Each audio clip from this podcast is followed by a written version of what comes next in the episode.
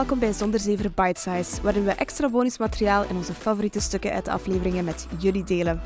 Deze Bite Size is een fragment uit de aflevering over bevallen met uw reporters, waarin we ons afvragen hoe het komt dat we collectief nog altijd niet goed weten wat er zal gebeuren in de verloskamer, het trauma dat daarbij kan ontstaan en de boodschap om vooral mild voor onszelf te zijn. Veel plezier met je vroedvrouw, uw reporters.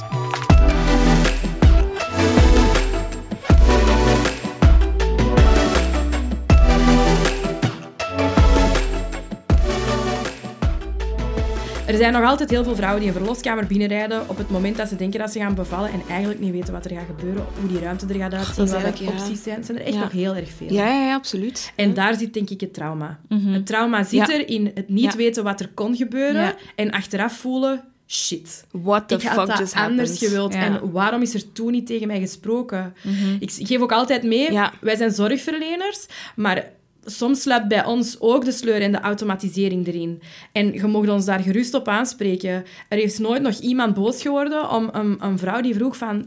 En, en waarom gaan jullie nu net Mhm. dit doen? En dan zeg ik, natuurlijk, ja. Ah, hè, ik ga deze Ja, deze doen. jij hebt dit al 5000 keer gedaan, bij Ja, en spreken. ik zeg niet dat dat oké is. Absoluut niet. Ehm, maar je doet nooit iemand boos of kwaad. Of, of ik ga dat nooit persoonlijk nemen als, als je aan mij vraagt van... Zie je het zitten om mij nog eens uit te leggen wat dat er dan juist gaat gebeuren? Of die- Het is ook je Nooit. eigen lichaam, hè. je hebt daar letterlijk Tuurlijk. het volste recht op. hè. Ja, vind ik ook. Ja, 100%. helemaal. Maar heel veel mensen vinden niet dat ze dat recht hebben. Gewoon zo, ja, ze zullen het wel doen voor mij, ik moet mij niet te veel vragen stellen. Ja, maar vanaf dat je zo'n soort van die deuren van het ziekenhuis binnenwandelt, hup, ik heb geen recht meer, ik ben patiënt en Ja, de dokter beslist over nee, alles. Wel, dat heeft hij in elke discipline zo, denk Ja, ik. Hè? ja. Maar net omdat de verloskunde vaak nog zo, de normale verloskunde vaak nog heel gekoppeld wordt aan een heel medisch verhaal, wat het eigenlijk niet hoeft te zijn. En daar zit ook een beetje zo die foute perceptie, denk ik. Ehm, ik zeg het, hè, ik, ik heb boeken... Allee, er is een heel een boek aangeweid aan, aan wat er allemaal kan gebeuren in zo'n verloskamer. Ehm, en ik ben de laatste om iemand trauma aan te praten. Helemaal niet, want heel vaak heb je dat ook. Hè. Ik had het er pas nog over met een osteopaat die zei van... ehm, heel vaak zeggen mama's aan, hè, hun babytje, dat voelt zich niet lekker. Dus die komen naar een osteopaat om hun kindje te laten nakijken. En dan eh, vertel eens een keer hoe dat jij bevallen zei. Ah, ik heb echt een fantastisch goede bevalling gehad. Ah, vertel, hoe is het gebeurd? Ja, dus ik ben binnengegaan voor een inleiding. Ik heb dan medicatie gekregen. Ehm, ja, ik heb dan eigenlijk direct een epidurale gekregen, omdat ze mij dat hadden voorgesteld. Dus ja, ik heb daar gewoon op mijn gemakje gelegen. Ehm, dan moest ik beginnen persen. Ik voelde echt niks niet meer. Ik heb dan geperst, hebben mij een knip gezet en dan is dat kind eh, geboren. Ehm, en dan hebben ze dat even weg... Dus die vertelde een heel verhaal, waarbij dat wij misschien als zorgverlener en hoe wij nu in de verloskunde staan, denken van... Oei, ik zie al waarom dat kindje het lastig heeft.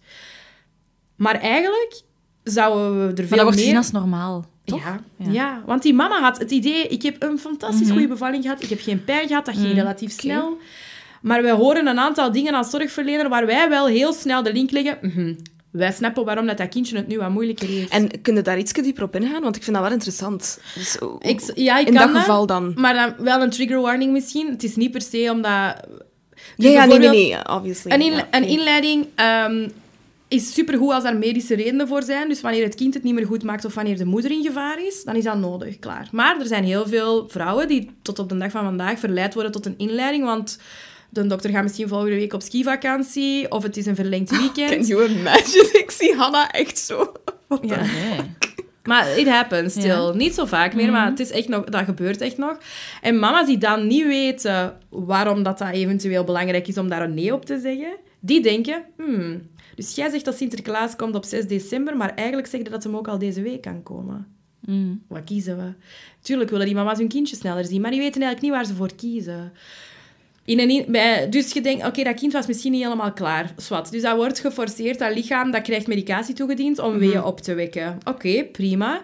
Natuurlijk, die weeën die dan op dat moment opgewekt worden, dat zijn weeën die het lichaam niet zelf gekozen heeft. Dus dat is Ja. echt van... Zeer zeg het, ja, Van van, 0 0 naar naar 100, 100 ja. oh. Madness, een vrouw die een inleiding aan kan, zonder dat er eventueel iets van arbeid was, zonder epidurale, ja, kudos, maar neem ze, de epidurale. Want het is echt, dat is echt... Allee, Ja, ik heb ook al gehoord. ja, dat is gewoon madness. Ehm, dus what, whatsoever, daar ook no- 0,0 schuldgevoel over epidurales, nooit. Hè? Maar ik wil zeggen, dus dat een epidurale, prima. Die mama die ligt heel die arbeid eigenlijk ja, op haar rug, plat. Dat is gewoon niet ideaal. Punt. Toch? Maar we, we denken wel dat we allemaal op onze rug moeten bevallen. maar dat dat ook is- zo in alle films. hè. Maar ja, maar dat is toch totaal en- niet natuurlijk? Het is op je hurk of op je handen en je knieën, toch? Of recht staan. Re- ja, maar echt echt totaal niet op dan je rug. squatten dan of zo? Nee, nee, nee. Ik heb eh, zelf... ehm, ja, ja, nee, dus ik wil je dat nu heel graag voordoen. Hè.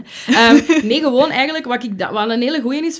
Je moet maar eens filmpjes opzoeken. Ik, ben echt, ik zal je dat allemaal doorsturen, Ja, achteraf. Eh, heel veel vrouwen eh ziet je die eigenlijk recht staan. Die zijn dan wel zo voorover gebogen. Dus dat verlosbed Ja. helemaal omhoog. Dat je zo wat met je armen voorover buigt. En je ziet heel vaak, dat, zeker wanneer het heel goed aan het vooruitgaan is, dat vrouwen op hun tippen zelfs gaan staan. Dat is echt prachtig om te zien. Oh. Die gaan op hun tippen staan. En vaak, als het dan zo goed aanvoelt, blijft ze staan. Echt waar.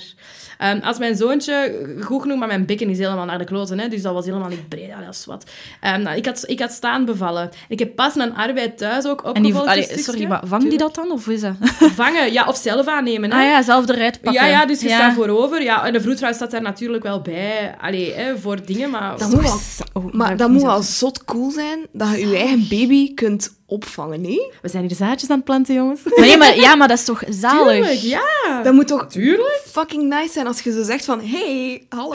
Of uw partner, hè, die, dan, Ja. die jij die daar voorover en zegt van Lies, ja, en die daar ook mee aanvoelt. Vaak doen vroedvrouwen dat dan ook. Kom, kom, kom. Ja, het gaat ja, ja. geboren worden. Allee, Imagine het verschil in beleving Ja.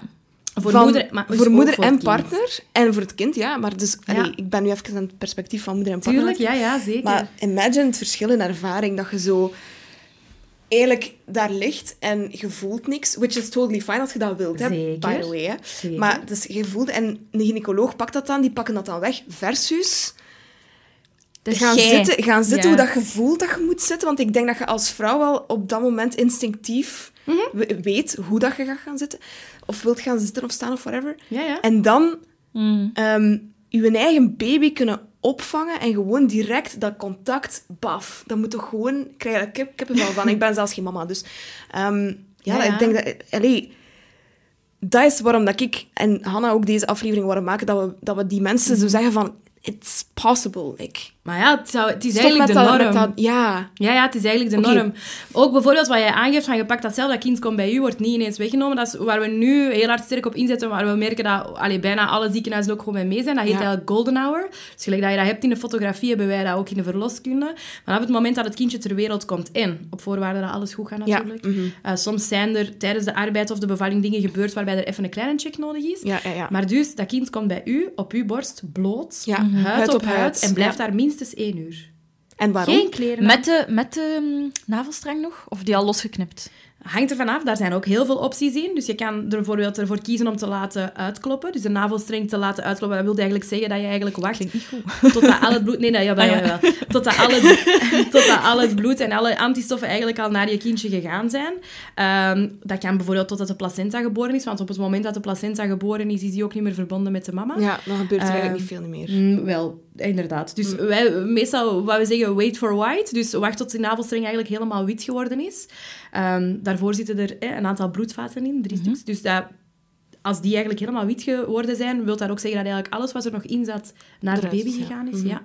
Vanaf dan kan er eigenlijk afgenaveld worden. Ehm, en dan inderdaad, dat kindje komt bij u, blijft daar gewoon liggen. Eén uur.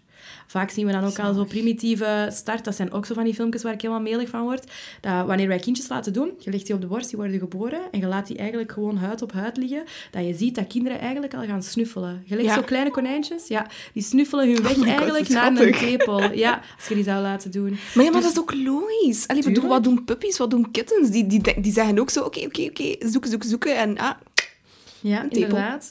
Dus ehm, dat, vinden we bijvoorbeeld echt eh, ja, bijzonder belangrijk. Dat heeft eh, gezondheidsvoordelen voor eigenlijk iedereen in de keten op dat, mon- op dat moment. Dus eh, zelfs als jij ervoor kiest om geen borstvoeding te gaan geven voor de hechting, eh, de temperatuur van het kindje blijft veel beter onder controle. Ehm, de moeder ook, oxytocine wordt vrijgezet.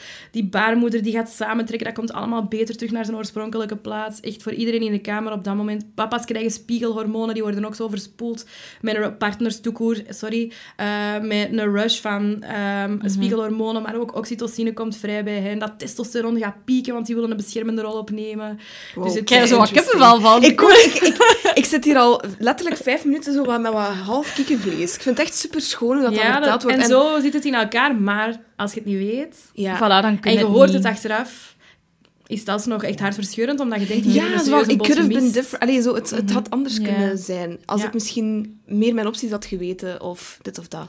Ja, en om dan terug te komen op die mama die dacht dat er helemaal niks mis was, wat Ja. voor haar in haar beleving ook is, dan is het moeilijk, hè, want dan kun je dus inderdaad eh, als zorgverlener uren spenderen aan die moeder te zeggen van ja, kijk, dit is er gebeurd en dat kan wel het een en het ander in gang hebben gezet voor je kindje, waarom dat dan nu bijvoorbeeld zoveel krampen is, zich zoveel overstrekt, zoveel pijn Ja. heeft of zoveel huilt. Of je gaat inderdaad aan de slag met dat kind en probeert die mama nu heel attent te maken op hoe ze nu haar reis wel kan verder zetten op een andere manier. Ja.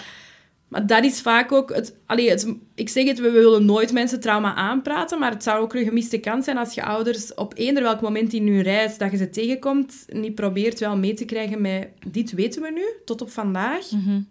En zo kunnen we dat vanaf nu wel doen. Mhm. Het is heel vaak dat ouders leren vanuit een eerste ja, minder goede geboorteervaring, dat ze het heel anders willen voor die tweede Ja. keer. En dan komt vaak dat schuldgevoel van, nu, mijn tweede kind heb ik het wel gedaan, maar what Ja. have I done wrong met mijn eerste kind? En helemaal niks, want op het moment, ik geloof echt, anders zou ik die job ook niet kunnen doen. Ik geloof echt, echt waar, de meeste mensen deugen. En bovendien, iedere ouder doet echt wat op dat moment het beste is voor hem en zijn kind. Ja. En haar kind, dus dat... Maar het is ook zo. Maar ik vind wel echt, als je gaat kijken de afgelopen jaren, we zijn echt grote stappen aan het zetten. Ehm, ik merk ook wel op de Instagram community die er nu is, of tenminste waar ik mij in bevind, ehm, dat is echt fantastisch. Hè? Ehm, als, ik ook maar, allee, als we ook maar één iemand kunnen helpen met een betere ervaring daar rond, rond geboorte, zelfs al was dat niet fijn, maar toch met daarna ook echt ja, die liefde en die verzoening daarmee te vinden, eh, dan job well done. Allee, dan vind ik dat echt al een Ja. heel groot voorrecht. Dus ja, informatie is kracht.